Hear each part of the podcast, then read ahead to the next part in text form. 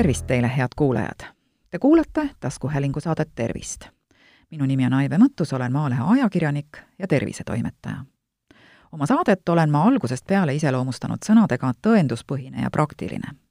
sestap võtangi tänases saates käsitleda selle, mida arvavad teadlased näomaskide kandmise mõjust koroonaviiruse levikule. vahendan ka perearst doktor Karmen Jolleri praktilisi soovitusi väga hea artikli minu meelest on maski kandmise teemal avaldanud Eesti Rahvusringhääling. loo autoriks on Jaan-Juhan Oidermaa. maskide kandmine vähendab võimalust hingamisraskusi põhjustavate viirustega nakatumiseks. kaitsev mõju ei pruugi aga olla kuigi suur ja selgete soovituste andmiseks napib teadusuuringuid, osutavad artikli aluseks olnud kaks teaduskirjanduse ülevaadet seniste uuringute põhjal tõuseb maski kandmisest pigem kasu kui kahju samas on aus öelda, et me ei tea, kui palju need aitavad. mõistlikum oleks jätta maskid tervishoiutöötajatele. Nende puhul on kaitsev mõju selgemalt tõestatud ja kõigele lisaks peavad tervishoiutöötajad puutuma päeva jooksul kokku paljude haigete inimestega, sealhulgas võimalike koroonaviiruse kandjatega. sõnas Tom Jefferson, mittetulundusühingu Kohrein, epidemioloogia ühe maskide tõhusust käsitleva ülevaate juhtiv autor võid küsida saja haiguste ennetamisega tegeleva eksperdi arvamust ja saada peaaegu sama palju erinevaid vastuseid. seejuures kinnitaksid neist kõik, et käidu-, käituvad teaduspõhiselt. taoline probleem tekib alati, kui meil pole hea kvaliteediga teadustöid, lisas teise ülevaate juhtiv autor Paul Hunter, Ida-Anglia ülikooli meditsiiniprofessor. vaid üksikutest uuringutest lähtudes võib aga maailmapilt kergesti viltu minna laias plaanis kattuvad mõlema metaanalüüsi järeldused Maailma Terviseorganisatsiooni hiljuti avaldatud soovitustega. mõnede uuringute põhjal võib olla näomaskidest kasu haigestunud inimesega samas majapidamises elades või massikogunemistel. Pole aga selgeid tõendeid, et näomaskide kandmine aitab vältida tervete inimeste haigestumist tavalisemates olukordades.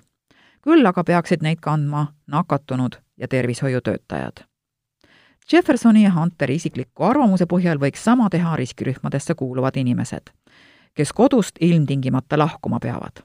muuhulgas kuuluvad nende sekka kroonilisi haigusi põdevad ja vanemaealised kodanikud. Jeffersoni metaanalüüs haaras viiteist juhuslikustatud kliinilist katset. Hunteri ülevaatesse kaasati lisaks kaheteistkümnele kliinilisele katsele üheksateist vaatluslikku uuringut paari erandiga keskendusid need kõik gripile või gripilaadsetele haigustele. me ei tea, kas neid tulemusi saab otseselt koroonaviirusele üle kanda. midagi paremat meil aga võtta pole, tõdes Jefferson. uue viiruse peamiste levikumehhanismide osas puudub täielik selgus olulisemana pole tekkinud erinevalt gripist elanikkonnas uue koroonaviiruse vastu isegi veel osalist karjaimmuunsust. kõigele lisaks käituvad inimesed pandeemia ajal tavapärasest teisiti igapäevased teated haigestunud kuulsustest ja isegi peaministritest näi-, näivad manitsevat inimesi ettevaatusele rohkem kui näiteks gripi leviku pidurdamiseks korraldatavad teavituskampaaniad. pandeemiale lähenenud SARS-i puhangu ajal tehti aga vaid üksikuid uuringuid. juhuslikustatud kliinilistes katsetes haigestusid Hunteri analüüsi põhjal maskikandjad seda mitte Äh, teinutest gripisarnastesse haigustesse kuue kuni seitsme protsendi võrra harvem. vahe on liiga väike, et see oleks oluline. äärmiselt tõenäoliselt on aga maskide kaitsev mõju suurem, sõnas Hunter. tavaliselt on juhuslikustatud kliinilised katsed kaheksa, kaasaegse meditsiini kuldstandard. ilma nendeta kasutaks me meditsiiniprofessori sõnul praegu Covid-19 ravimiseks kaane või teisi olevusi, et nendega inimestest halb veri välja imeda. maskide puhul pole neist sedavõrd palju kasu. hakatuseks saavad inimesed aru, kui nad maske ei kanna ja tegu on platseeboga ning see paneb neid oma käitumist muutma.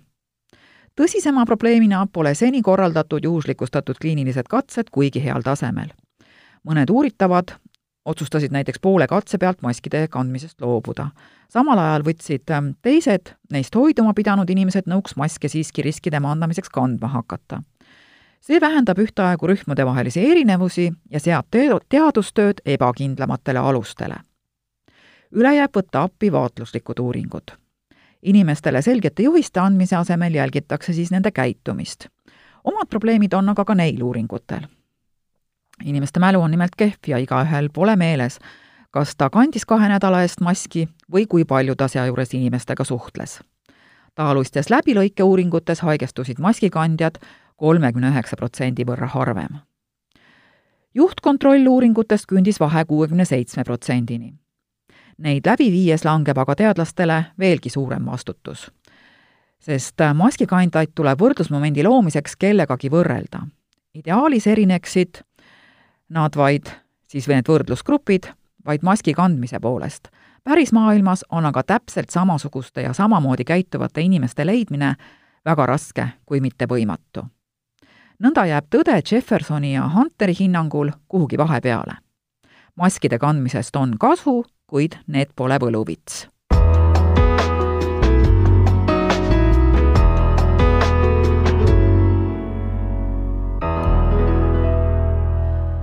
Tavainimeste hulgas on maskide kaitsvat mõju uuritud veel vähem kui tervishoiutöötajate seas. nõnda on Tom Jeffersoni ja Paul Hunteri sõnul raske öelda, kui palju kasu tõuseb universaalsest maskide kandmisest haigestumise ennetamise kontekstis on uuritud seda näiteks SARS-i epideemia ajal Hongkongis. kuigi maskidest tundus kasu olevat, pole võimalik öelda, kui suure osa haigestumise vähenemisest sai kanda sellega maskidele ja kui suure osa sagenenud kätepesule ja teistest füüsiliselt eemale hoidmisele. Hunteri hinnangul leidub mõjuvaid väiteid nii maskide lauskandmise toetamiseks kui selle vältimiseks Covid-19 kohta avaldatud teadustööde põhjal võivad mõned nakatunud viirust levitada juba mitu päeva enne väliste sümptomite ilmnemist. ja osad inimesed võivad haiguse läbi põdeda viisil, et nad sellest arugi ei saa. Mõnedele uue koroonaviirusega võrreldava suurusega viirustele piisab enda levitamiseks juba rääkimisel ja hingamisel moodustuvatest tillukestest, tilgakestest, aerosoolidest maskide igaks juhuks ennetavalt kandmisega saaks seeläbi viiruse levikut aeglustada. kirurgimaskid on mõeldud olemuslikult eeskätt just suust välja paiskuvate piiskade peatamiseks.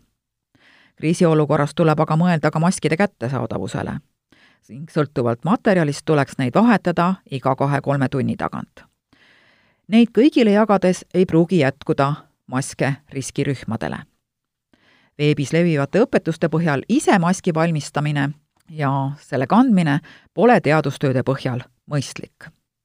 selle mõju uurinud äh, teadustöid pole kuigi palju, kuid äh, nende põhjal seostub riidemaskide kandmine suurema nakkus, nakatumisriskiga, viitas Jefferson. Võrreldes meditsiinilisi maske kandnud inimestega haigestusid riidest maske kandnud inimesed kolmteist korda sagedamini. samuti haigestusid riidemaske kandnud inimesed kolm korda sagedamini kui maskide kandmist vältinud inimesed olemasolevate tõendite kohaselt ei vähenda riidemaskid riski mitte mingil viisil.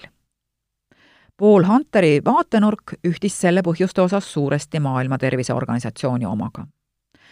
Maskide kandmine võib muuta inimesi riskialtimaks, näiteks võivad nad jätta kergekäelisemalt käed pesemata või loobuda füüsilise distantsi hoidmisest, viitas meditsiiniprofessor. omaette probleemina tõi ta välja inimeste kogenematuse maskide õigesti ettepanemine nõuab teatavat vilumust ja äravõtmine otse loomulikult ka. Eestis on juhtinud sellele teiste seas tähelepanu perearst doktor Karmen Joller ja tema tähelepanekutest ma räägin teile tänases saates samuti.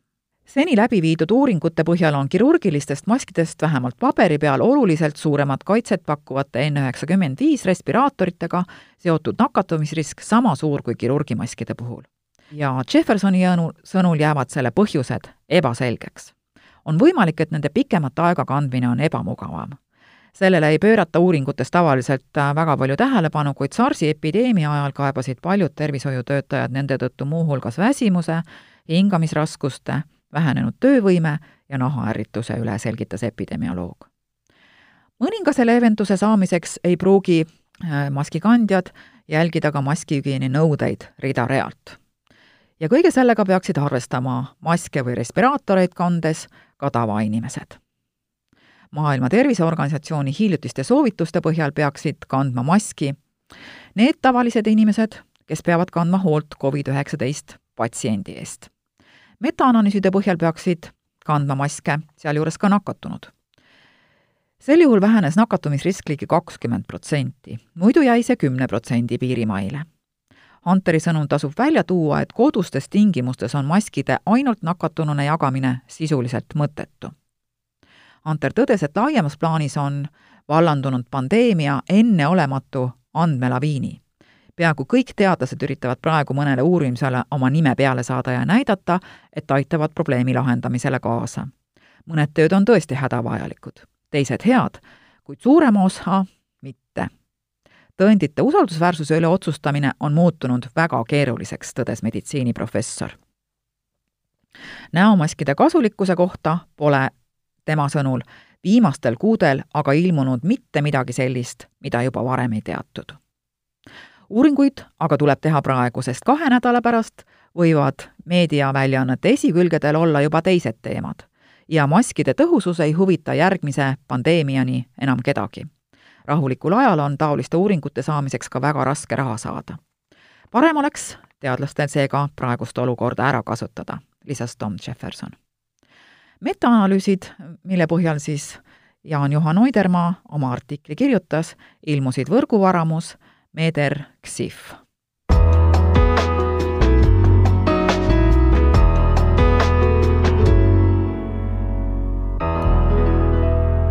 nüüd siis aga doktor Karmen Jolleri soovitustest.